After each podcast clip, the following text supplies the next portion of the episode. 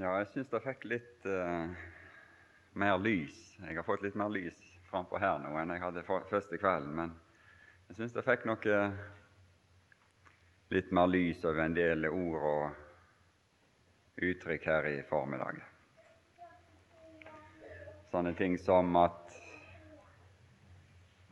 min time er ennå ikke kommet. Det var hans time. Det var hans time der. Kvinne, hva har du med meg å gjøre? Min time er ennå ikke kommet. Men hun fikk oppleve hans time.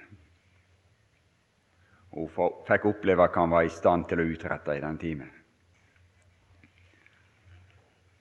Hans time var ennå ikke kommet, så jeg syns liksom eh, det ble kasta et eget lys over en del slike uttrykk for min del her i formiddag. Og vi begynner kanskje å få et lite, bitte lite forståelse av hva som ligger bak slike utsagn som Paulus siterer i første Korinterbrev.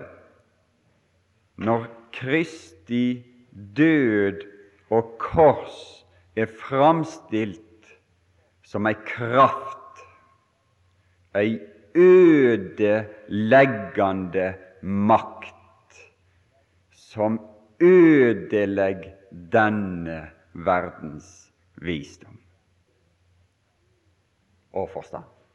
Jeg vil ødelegge de vises visdom og de forstandiges forstand.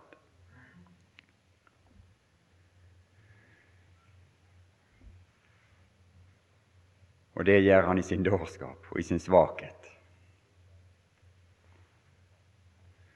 Så vi kan jo lett la oss imponere over ting i denne verden, men det blir småtteri.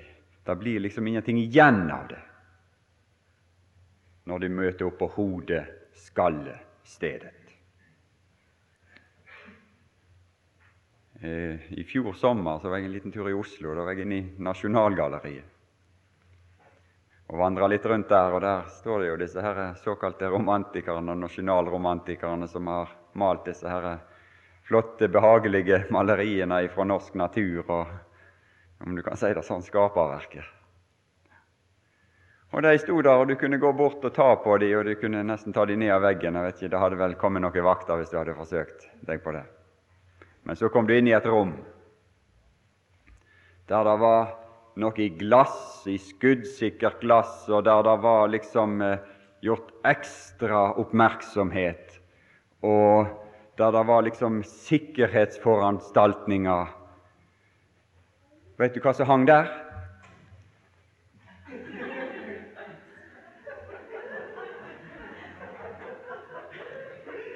Det er denne verden. Slik er denne verden. Slik er denne verden.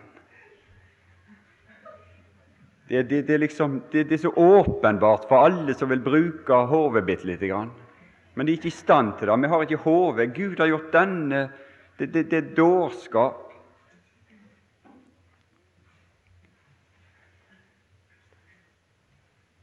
Ja, ja. Jeg hørte i fjor var den store moten i Amerika det var å gå med dette her på brystet. Det var slik de er inni hjertet. Det som de går med utapå her, det vel slik de er der inne. Det er vel derfor det er blitt det var visstnok, hørte jeg på, på radioen, det var en farsott i hele Amerika som bar ungdommen på sine T-skjorter dette skriket. Det kom utapå, men det er nok et skrik der inne. Men her er en som har svaret. Disse her, her folkene her, som, som har, har, frambrakt dette her, de har ingen svar. Det finnes ikke et svar. Og de vil ikke ha et svar engang. Men det er et svar. Det er et svar, og det er Han som etter at Han har sagt at Fader, jeg takker deg fordi du har skjult dette for de vise og forstandige. Det er skjult, det totalt ute av mulighet for denne verdens visdom og forstandige til å få tak i dette, i dette. Hva var det? Han frydet seg i Den hellige ånd, som kan skape en glede, en styrke, en kraft i deg, som er i stand til å fryde deg, selv om alt går imot. Selv om, om, om, eh, om de byene han endatil hadde trødd sine barnesko, der han hadde vokst opp, og de reiste seg imot han, Kapernaum og Korasin og Betzaida, om de forkasta han og hele hans åpenbarelse, enda han hadde løfta disse byer opp til himmelen, sier han. Og de ville ikke vite av han, så var de ikke i stand til å ta hans indre glede og fryd ifra han. Han frydet seg i Den hellige ånd og sa Fader. Han hadde en kontakt der, han hadde en forbindelse der som ingenting her nede kunne ødelegge det som bodde i ham. Det er noe annet. Han hadde ei annen, ei annen kappe. Han hadde noe annet å bære fram og vise fram Jesus når han gikk rundt i verden, enn et skrik.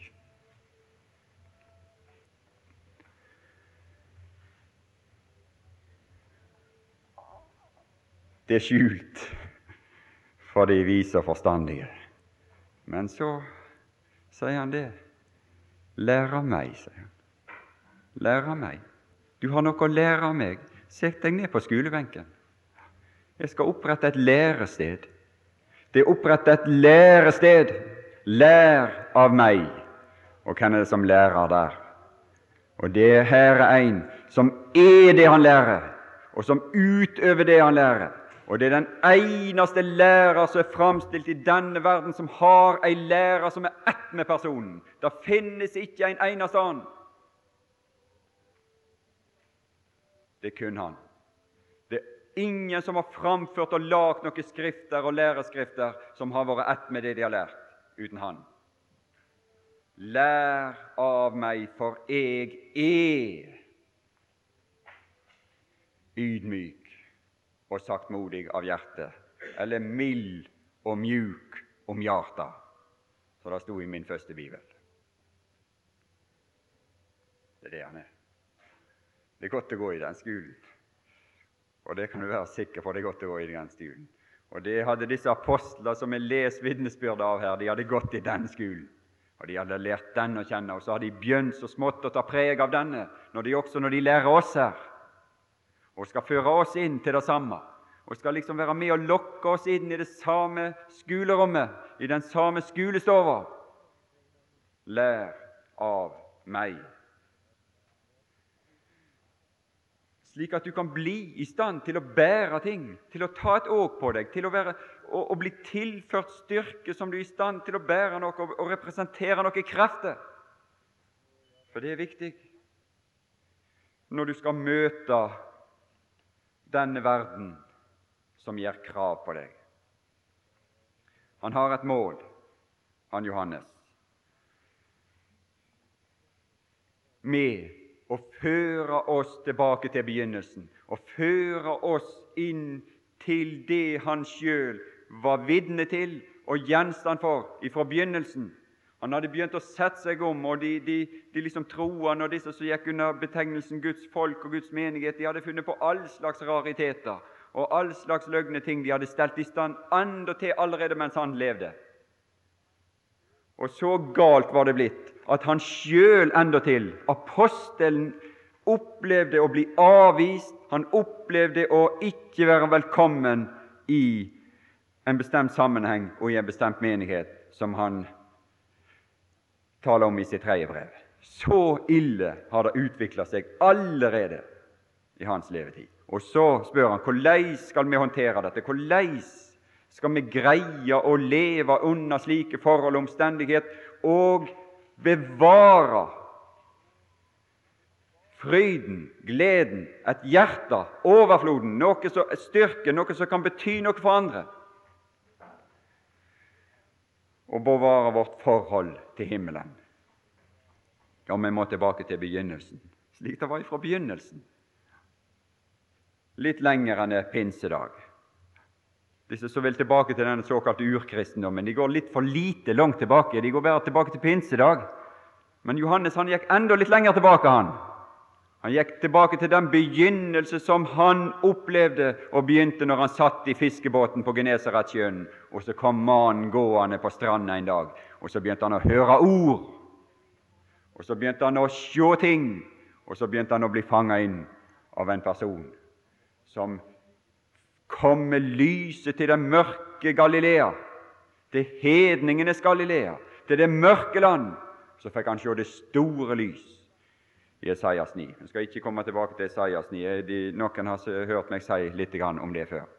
Men det er det han beskriver her i forbegynnelsen og i, i, i kapittel 1 og i, i vers 5 her. Det, dette er det budskap vi har hørt av ham, og forkynner dere at Gud er lys. Og det er dette lys han opplevde i fiskebåten sin der oppe ved Galilea sjø. Og det er det som han opplevde helt konkret for sin egen del, det som står beskrevet i Esaias 9.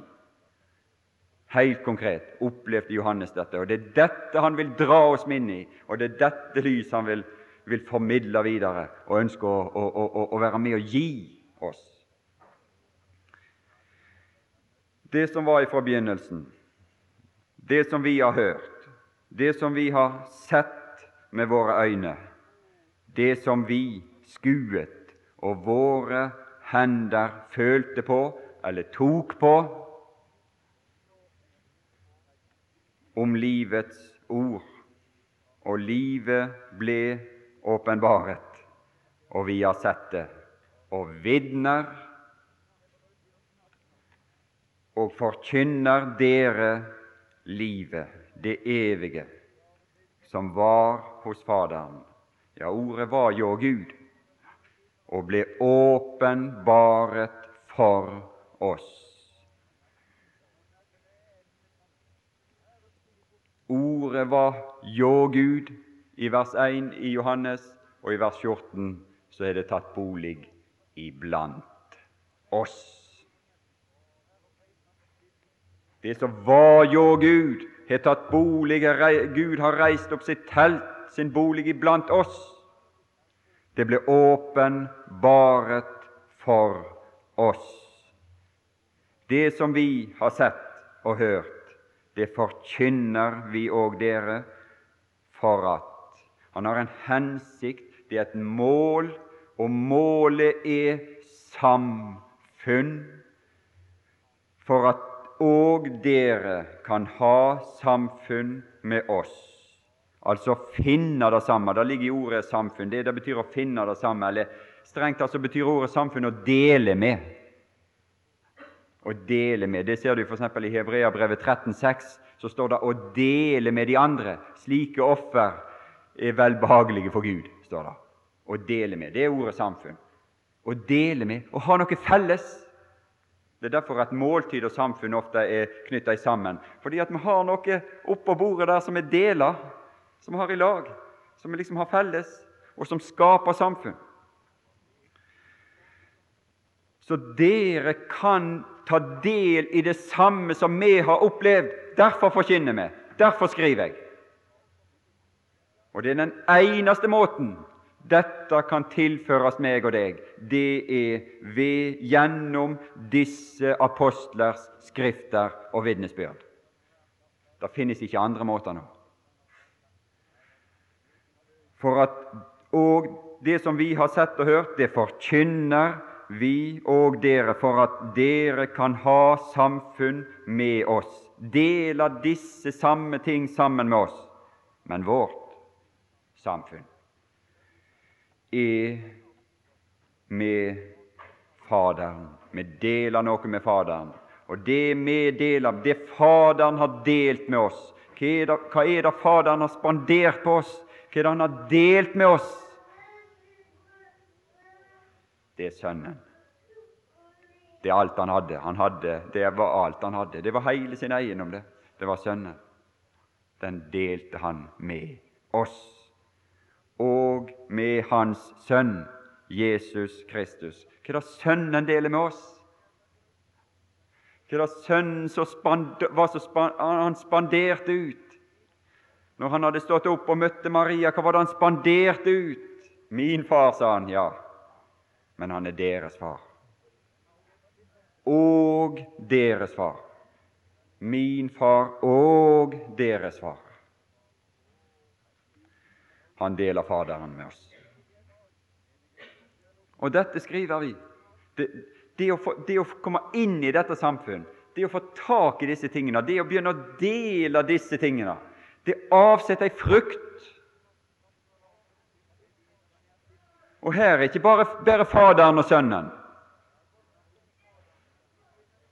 I vers 3 står det om Faderen og Sønnen, men i vers 4 står det egentlig om Ånden. For det er jo Åndens frukt som er glede. Det avsettes ei frukt. Dette skriver vi for at deres glede kan være fullkommen. Og vi hørte at med glede følger styrke og kraft. Trenges den? Ja, det er den styrke som følger med dette samfunn, som har sett oss til i, stand til å overvinne alle krefter som set inn på å ødelegge dette samfunn. For det er en mengde krefter som set inn på å ødelegge dette samfunn for meg og deg. Men det er en styrke som er større enn disse krefter, og som setter oss i stand til å overvinne disse krefter. Her er, som jeg nevnte, her er en verden i kapittel 2. Så taler Johannes i sitt brev her om verden fra vers 15 om verden. Og I vers 16 så står det om alt det som er i verden. Ja, hva er det med det? Ja, det har, den, det, har det med seg. Det representerer dragelser, det representerer krefter som søker å ødelegge samfunnet med Faderen og avskjære oss ifra det samfunnet. Kjødets lyst. Lyst, ja. Lyst. Ja, hva er det? Det er krefter, det. Det kolossale krefter i et menneske. Enorme krefter. Lysten. Og den kommer ofte ut av kontroll, lysten. Og så drives vi av lyster. Kjødets lyst og øynenes lyst og storaktighet i levnet. Men de er ikke av Faderen, men av verden. Og verden forgår, og dens lyst. Ja, det, det, det, det, svære krefter pågår og står på, men det er snart over. Det er snart over med det.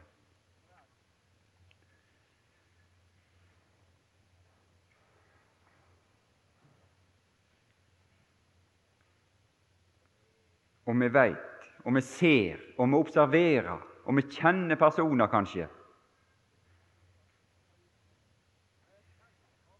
som disse lyster har fått herje i. Og vi veit deres situasjon og deres fengsel og deres trengsel. Ja, og vi behøver ikke gå til andre. Enhver lokkes og drages av sin egen lyst. Vi kjenner de da. De lokkes og drages av vår egen lyst. Kjærlighet til den nuværende verden. Det var den som, det var det, det var den som drog Demas bort ifra Paulus.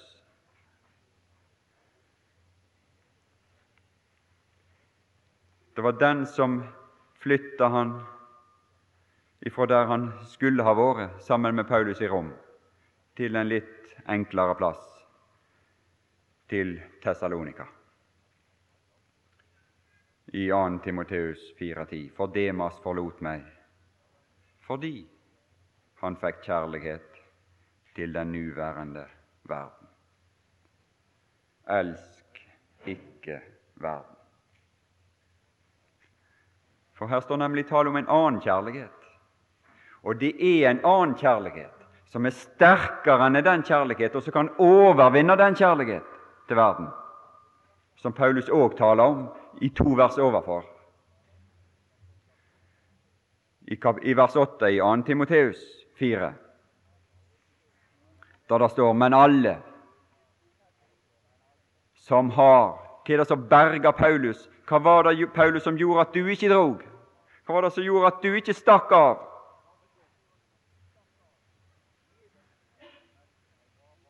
Men alle, dog ikke meg alene, sier han, men alle som har elsket Her er òg en kjærlighet. Hans åpenbarelse. Hans åpenbarelse, og det er det som de vitner om, og det er det som de forkynte, og det er det de bringer til oss. Livet, det evige liv, som var hos Faderen og ble åpenbaret for oss, alle som har elsket Hans åpenbarelse, og retter sin kjærlighet, sin trang, sin søken, sin lyst, om du vil, på Hans åpenbarelse. Det er det som kan berge oss fra å bli dradd og gå under i kjærlighet til den nuværende verden.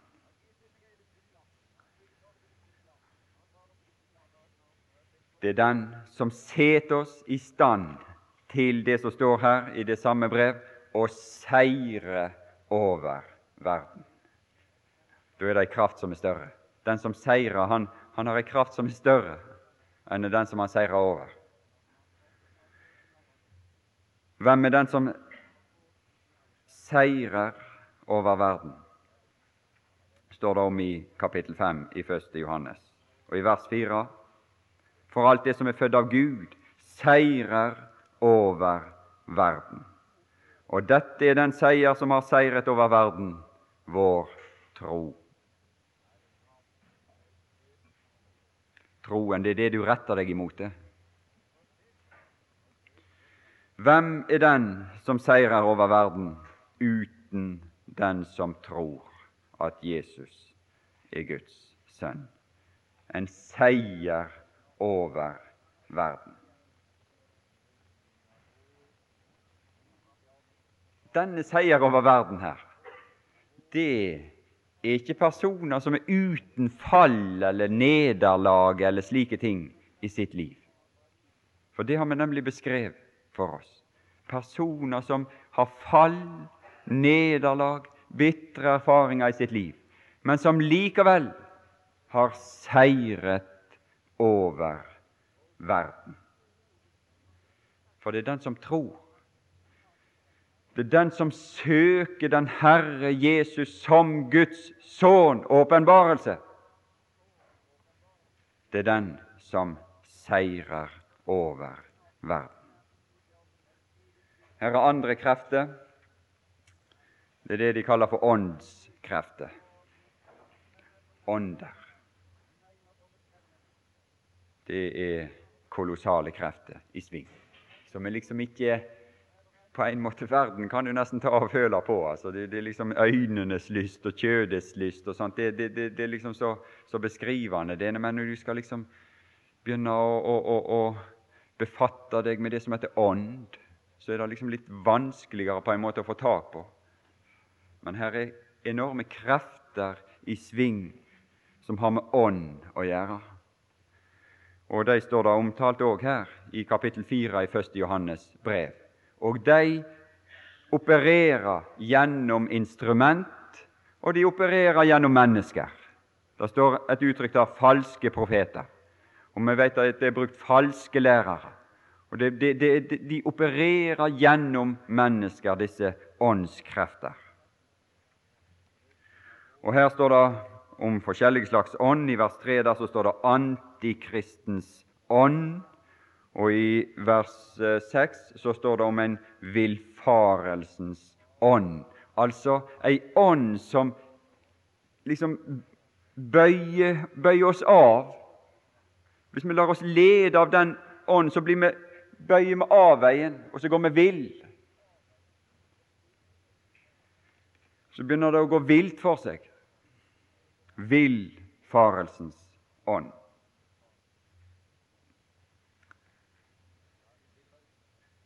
De opererer gjennom mennesker, ja, gjennom personer, som det står om i kapittel 2 her, og i vers 18 så står det om det er nu kommet mange antikrister. Og så står det om det i vers 19 de er gått ut fra oss. Altså det, det kan være personer som endatil er oppstått i de beste selskap, om du kan si det sånn. Tenk han sier endatil Apostelen Johannes sier her de er gått ut ifra oss. Blant dere selv kjenner vi jo til at Paulus sier i apostelgjerningene når han tar avskjed med Efesus-menigheten. Blant dere selv skal det oppstå. Men de var ikke av oss, for hadde de vært av oss, da var de blitt hos oss. Men det skulle bli åpenbart at ikke alle er av oss. Og disse her hadde det særtegn, det kjennetegn, at de angrip Jesu Kristi person og hans posisjon og hans åpenbarelse og det navn han kom i, nemlig i sin Faders navn. Og Det som er da, om du kan si det uhyggelige å lese, det er det du leser i, i Johannes 5 og 43. Og vi behøver ikke tro at vi er så forferdelig mye bedre i utgangspunktet med eller de folkene han sier det til, som han sier i Johannes 5, 43. Når han sier det at 'Jeg har kommet i min Faders navn, meg tar det ikke imot'. Ja, det var det, det, var, det var skjedde konkret her. I Johannes tredje brev. Han tar ikke imot oss, står det.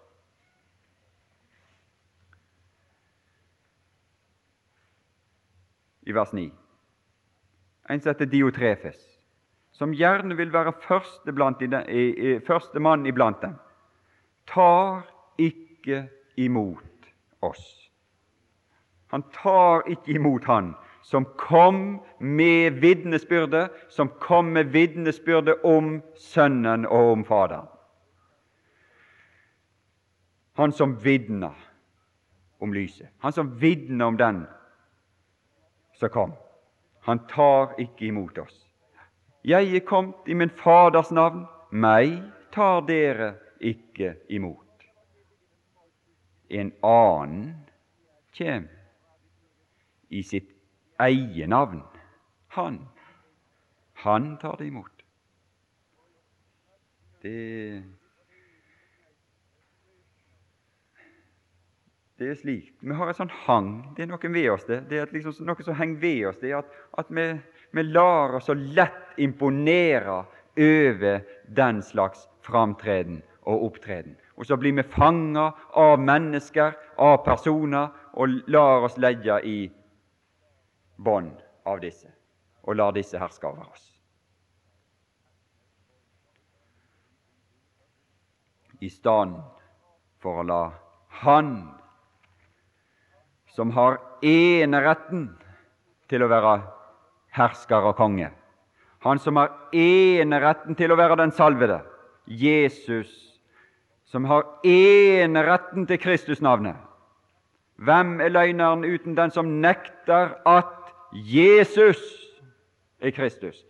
Som er den eneste som har retten til oss og hersker over oss og har kongemakten over oss. Han er den eneste. Men det viser seg at det er så vanskelig for oss å forholde oss til det. Og Paulus sier det at, enda til at, at, at, ja, dere lar jo de gjøre dere til treller. Enda de slår dere i ansiktet, sier han. Til skam for dere, sier jeg det, sier han i 2. Korinterbrev. Det er sterke ord, dette. Og i Galaterbrevet kan du lese helt lignende ting. Så det, det, det, det er viktig å, å, å, på en måte lære disse tendenser i oss å kjenne, slik at vi kan håndtere også dem, for det er nemlig mulig å unngå denne faren.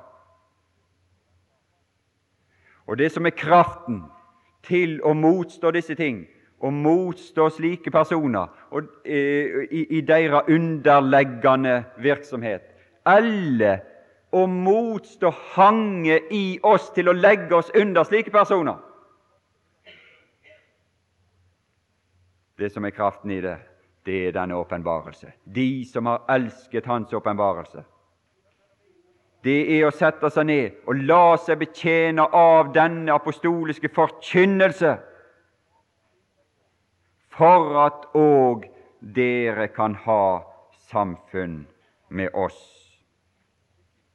Men vårt, som løfter dette samfunn inn på et plan, men vårt samfunn er med Faderen og med Hans Sønn Jesus Kristus.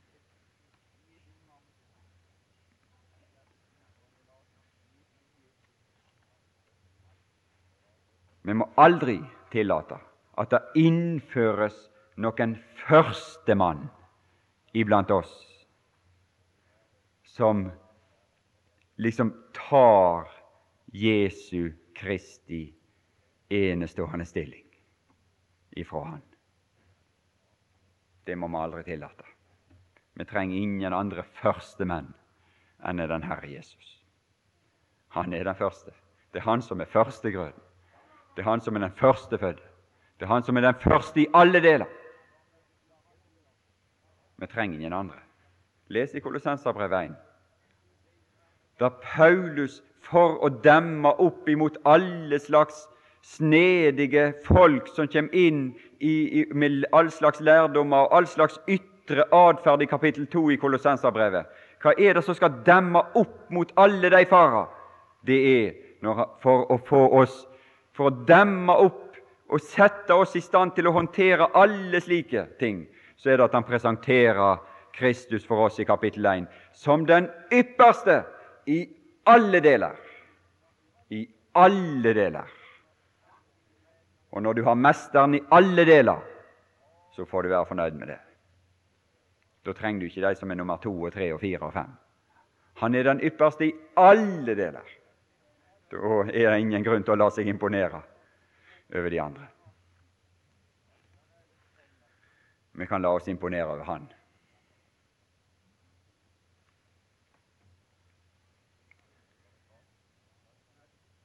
Jan Johannes han kjente godt til disse tingene her. Han hadde de samme tendenser i seg sjøl, apostelen. Han visste hva han skrev om når han skrev om denne Diotrefe som gjerne ville være førstemann iblant de. For han hadde sjøl ville være førstemann, han. Og Han brukte enda til andre personer, mora og sånt forskjellig. liksom. liksom Få andre personer til å liksom komme seg opp i gradene, opp i posisjon. Og sitte med de fremste setet, som det står om. Og bare, bare les litt i Lukas 9 der. Tanker som stiger opp.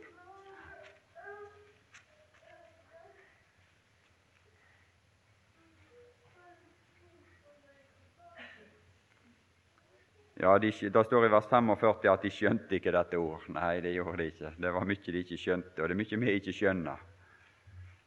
Er, å lese gjennom Johannes 13 det er et lærerik sak, der det står om at han elsket sine som han hadde elsket dem, så elsket han dem inn til enden. Og Når du leser gjennom det kapittelet, så ser vi det at de skjønte ikke, og de forsto ikke, og de så på hverandre og lurte på hva han mente med det. og liksom...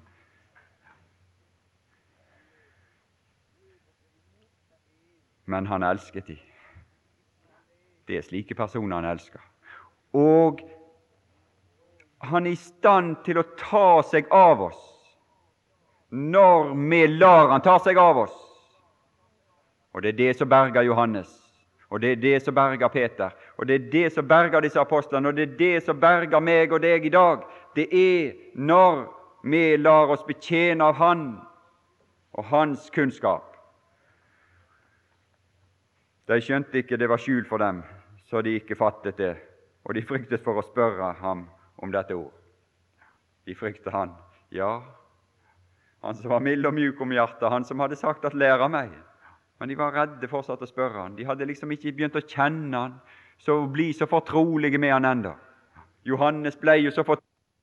Det kom en tanke opp i dem om hvem som vel var den største av dem. Men da Jesus så deres hjertes tanke Ja, det er i grunnen greit å ha en sånn frelser. Det er overmåte greit. Å være klar over, og nyttig å være klar over, at vi har en som les av hjertets tanker. Og han har et ord, står det i Hebreabrevet 4. Han sitter på ei trone, står det i Hebreabrevet 4, som heter nådens trone. Og ut ifra den trone betjener han sine som apostel med et ord ifra Gud. Og det ord, det trenger igjennom. Det er skarpere enn noe tveegget sverd. Og det trenger igjennom inntil det kløyver sjel og ånd og ledemod og marg og dømmer, kritiserer hjertets tanker og råd, og alt er nakent og bart for hans øyne som vi har å gjøre med. Men da Jesus så deres hjertes tanke, tok han et lite barn og stilte det ved siden av seg og sa til dem og så videre der. Og han, Johannes han avslører seg i sin hjertets dårskap og i sin hjertes tanke i vers 49. Da svarte Johannes og sa, Mester, vi så en som drev ut onde ånder i ditt navn, og vi forbød ham det, for han var ikke i følge med oss. Total avsløring, offentlig avsløring. Han buste ut med det som var inni hjertet hans.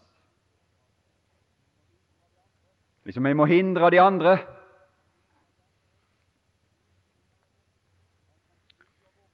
Han, han truer vår posisjon. Dette kan ikke vi tillate. Nei, Jesus vil ikke ha den slags. Det er ikke den slags han er interessert i. Det er ikke den slags tanker. Det er ikke den slags saker og ting han er interessert i. Og han fikk lære Johannes etter hvert. Og han måtte lære etter hvert. I samfunn, i dette samfunn med Sønnen, med Sønnen fra himmelen, så måtte han lære at det er ikke den slags Det er ikke den slags det dreier seg om. Og så var den lærdom og det han lærte inn i dette samfunnet, i stand sette Johannes til å bli en som ikke gikk i en slik grøft og bevare han ifra alt den slags i hans tjenester, så den ikke skulle bli ødelagt. For tanken kom til uttrykk her, og den tanken her det er av den samme art som du ser han omtaler Diotrefes med i sitt tredje brev. Men den store forskjellen den store forskjellen på Diotrefes og Johannes, det er at Johannes lot seg dømme av den Herre Jesus men det gjorde ikke Diotrefes. Han lot bare dette vokse fram, og han lot seg aldri dømme av Herren. Og så utvikler han den sinn og den gjerning som står beskrevet der i det tredje brev, og som Johannes må gå så hardt og sterkt i rette med. Jo, Diotrefes utvikla det seg til det verre. Hos Johannes så ble dette her tatt opp og avgjort og dømt av Mesteren, renset. Vi trenger sånn renselse. Du kan være sikker på vi trenger den renselse som det står tale om i 1. Johannes brev. Det er ikke for ingenting han taler om å rense seg. For det er så mange ting som vil henge ved oss av skitt og lort som ikke kan fungere inn i Guds nærhet. Han renser seg som ikke, som, ikke, som ikke, passer sammen med det evige liv, som ikke passer sammen med, med, med livet som er rent, for livet er rent, det evige livet er rent. Og den som skal leve dette liv, han renser seg selv. Og det er en som er kommet fram med de midler og de gjenstander som setter oss i stand til å rense oss, og det er ved Hans ord.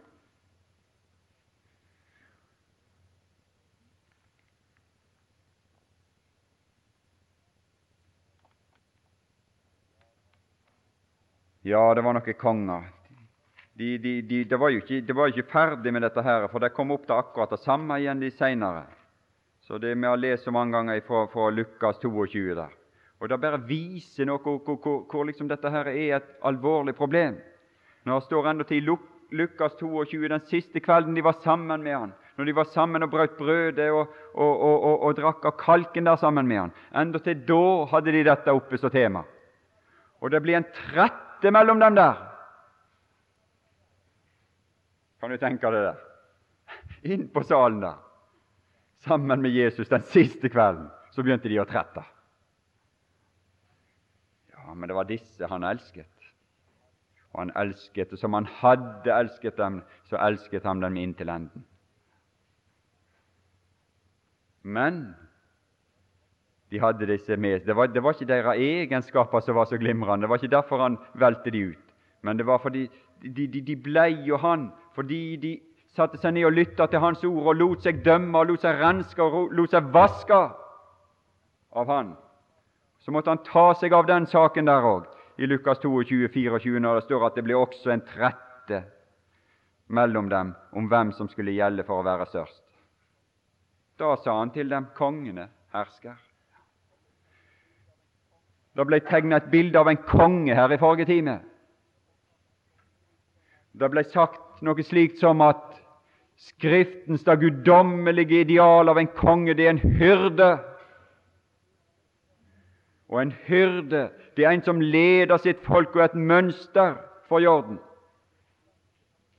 Men det bildet, de konger som har reist seg rundt i verden, de representerer ikke det guddommelige bildet av en konge. Og de konger som Jesus taler om her, de er av en helt annen art. Og det er et forvrengebilde av det sanne bildet av en konge som kommer her. Kongene hersker. Vet du hva Peter sier om hyrden? Han sier det at han ikke skal herske. Han advarer imot det. Sine medeldste. At de ikke skal herske. I 1. Peter 5.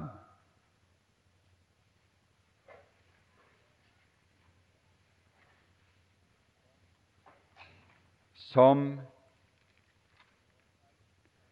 Ja, de eldste blant dere formaner jeg som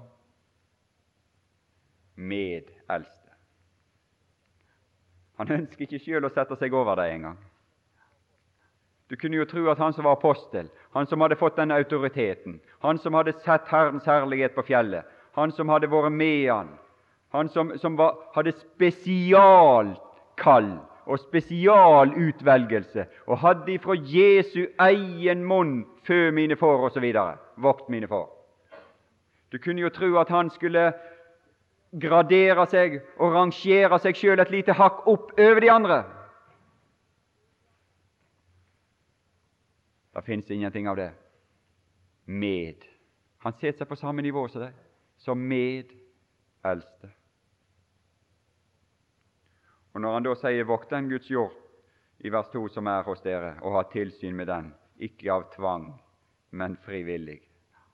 Hvor han lærte den frivilligheten av, ja, det fikk vi høre i forrige time. Ikke for ussel vinnings skyld, men av villig hjerte han har lært det jo en, dette villige hjertet. Heller ikke som de som vil herske over sine menigheter, men således. Og det er den eneste, om du kan si det at her er en måte å herske på, det er den eneste lovlige. Men således at dere blir mønster, eller et forbilde, om du vil, for jorden. Maktbruk, det er under dommen, er under hans dom. Kongene hersker over sine folk, og de som bruker makt over dem, kalles deres velgjørere. Slik er det i verden. Slik det totalt totalt vrengebilde er det blitt i verden.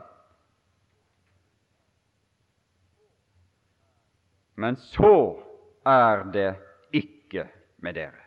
Slik skal det ikke være. Så er det ikke med dere. Peter han var sjøl blitt en slik som var blitt et mønster, et forbilde for jorden. Og der han hadde lært det, det var jo den eneste som han rangerer opp, den eneste som er, er førstemann, nemlig han som han kaller i neste vers for overhyrden. Han kjenner ingen andre enn den ene. Overhyrden. Det er ingen, ingen sti, ingen rangsti utover han. Overhyrden. Og når han står fram der som en eldste og som en, en medeldste med disse, så er det fordi at han har vært vitne om Kristi lidelser, og han er òg den som har del i den herlighet som skal åpenbares. Han har vært inne der og sett. Han har vært inne og delt dette samfunn. Han har vært inne der og lært. Han har vært inne der, og det var ei vanskelig lekse for han å lære. Men den leksa måtte han igjennom, og når han hadde vært igjennom den leksa, så gav Jesus han disse oppgaver. Og det var dette med Kristi lidelser som var ei så uendelig vanskelig lekse for han å lære.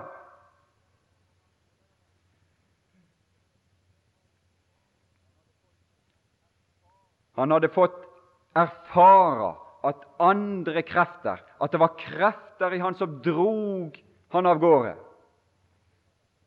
Men så fikk han oppleve at det var en kraft som var i stand til å bevare han, i stand til å reise han opp igjen, i stand til å ta seg av han og føre han videre framover og sette han inn i dette embetet og utøve dette embetet som han hadde her som eldste, på en måte som var i samsvar og som var i harmoni med overhyrdens, den eneste han, han eh, anerkjenner over seg som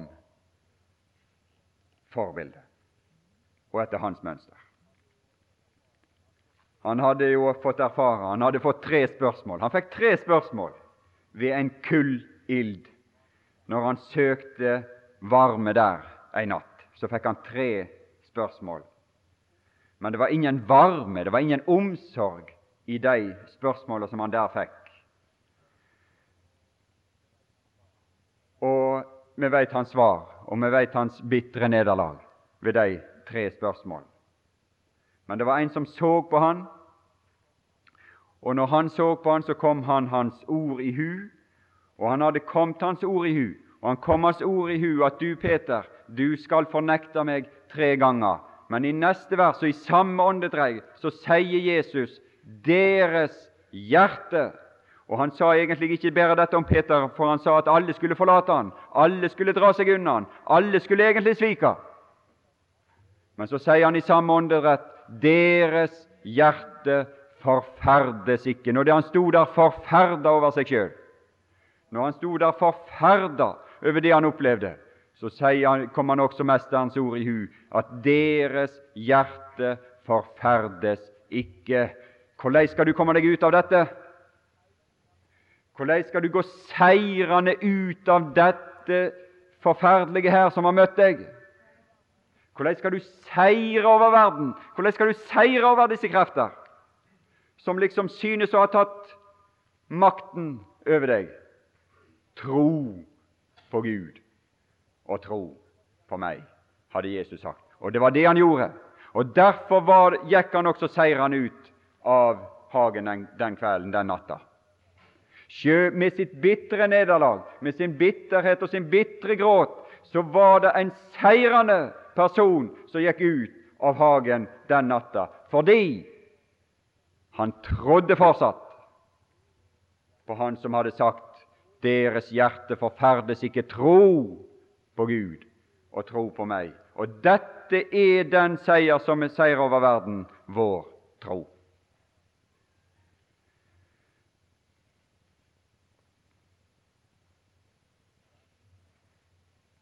I verden, sa Jesus i Johannes 16, 33. I verden Ja, hva har du der? Hva har du i verden? Du har trengsel. Det er noe som trenger på deg. Det, jeg, jeg, det, liksom, har vært noen sånne opptrinn her nå, nå at jeg, har sett, jeg, liksom hørt om i, i Dagsnytt eller i sånn presse og sånt, disse her fotballkampene som samler en mengde folk, og så har det liksom blitt panikk.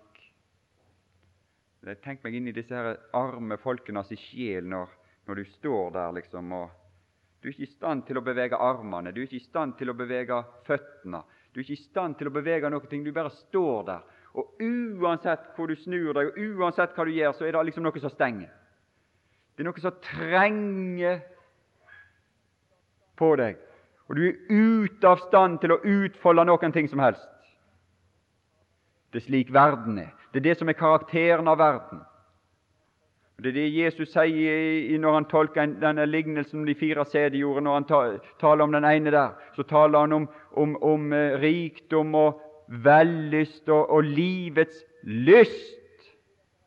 Og når en lever i dette, her, så sier han det at så kveles de. Det begynner, det, det begynner å bli så hardt press her at du ender til det er det som er verden. Du begynner å få pustebesvær, og så kveles de. Så blir de tråkka ned, så er ikke i stand til å puste lenger, og så ligger de der. I verden Det er karakteren av verden. I verden har du trengsel. Men, sier han, men frykt ikke jeg har overvunnet verden. Men vær frimodige. I verden har dere trengsel, men vær frimodige. Jeg har overvunnet verden. Og dette er den seier som har overvunnet verden, vår tro. Vår tro på denne. Tro på Gud og tro på meg, Peter og de andre.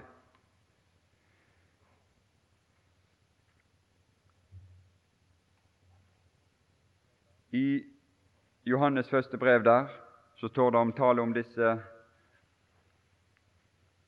én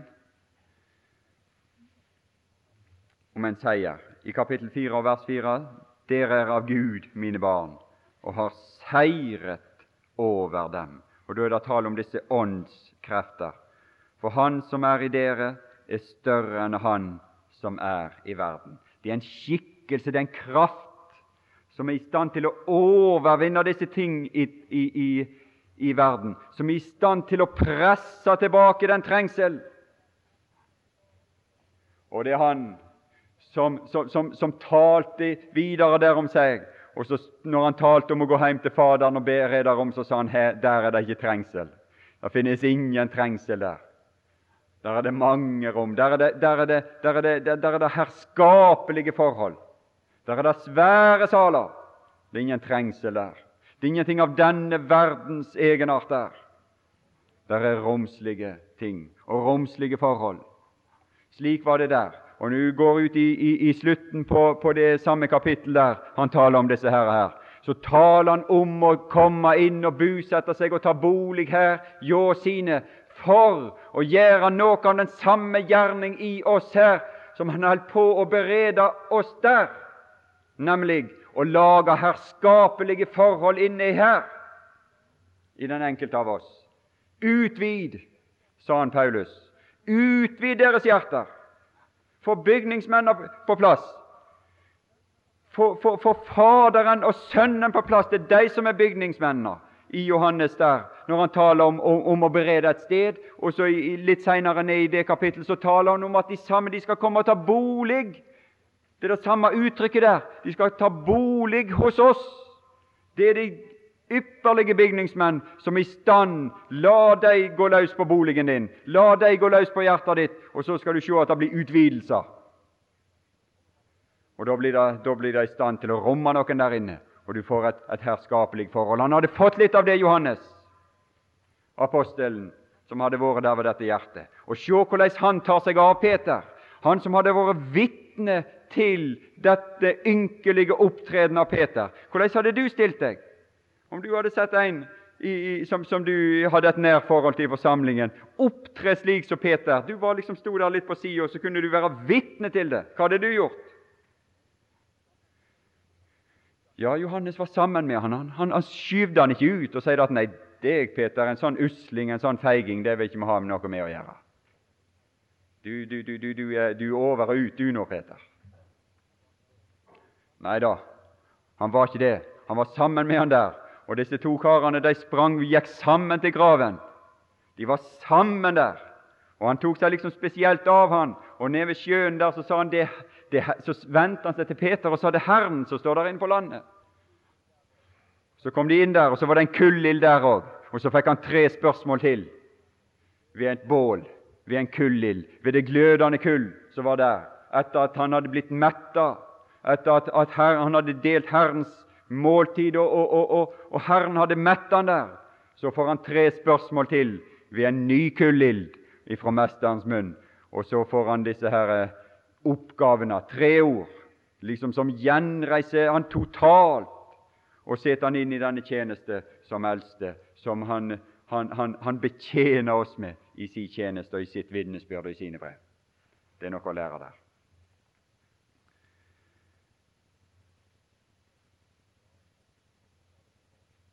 Ja, de hadde mye. Her står tale om ei ånd. Ei ånd.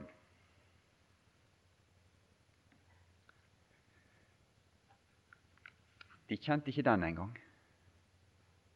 Du vet, De var på vei opp til Jerusalem gjennom Samaria, og Jesu åsyn var vendt mot Jerusalem.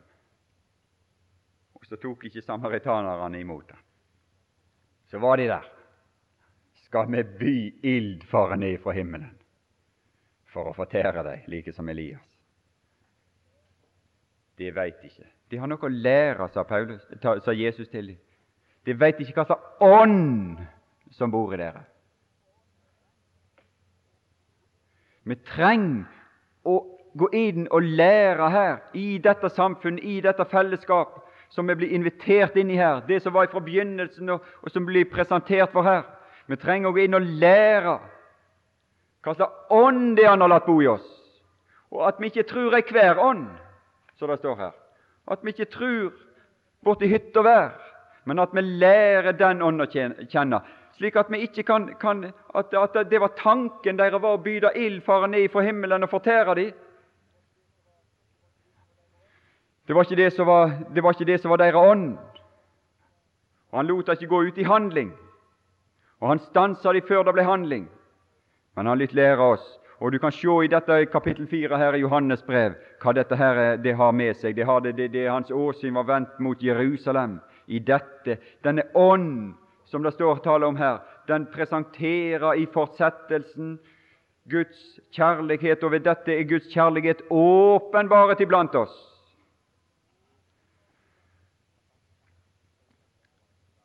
At Han sendte sin Sønn den enbårne til verden for at vi skal leve ved Han. I dette er kjærligheten, ikke at vi har elsket Gud, men at Han, han har elsket oss og sendt sin Sønn til soning for våre synder.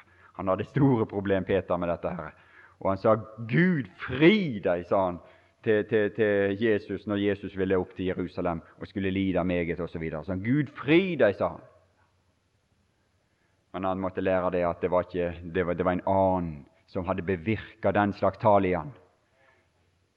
Det var andre krefter, det var en annen ånd Det var en, av en annen verden.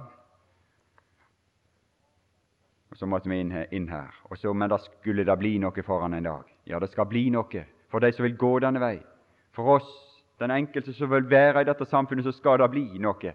Ærens uvisnelige krans.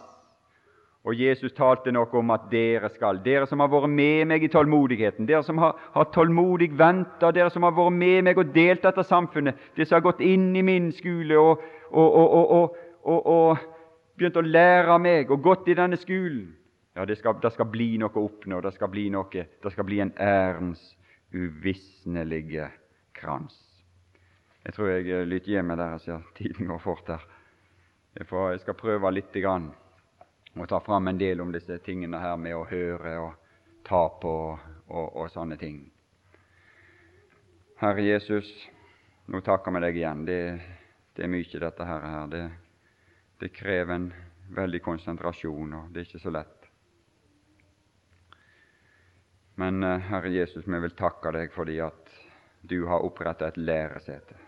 Du har opprettet et, opprettet et lærested der du innbyr oss den enkelte. Og du innbyr oss denne, du, du er i stand til å lære oss i det tempoet som er tilpasset oss den enkelte, og du er i stand til å ta deg av oss. Bare vi har dette her hjertet som ønsker å være sammen med deg, og denne søken etter deg, og la oss lære av deg, og dra oss inn i ditt samfunn, og dele Faderens åpenbarelse med deg, Herre Jesus så ber vi fortsatt for dagen og for samfunnet og for hverandre og for ja, dine troende, Herre Jesus.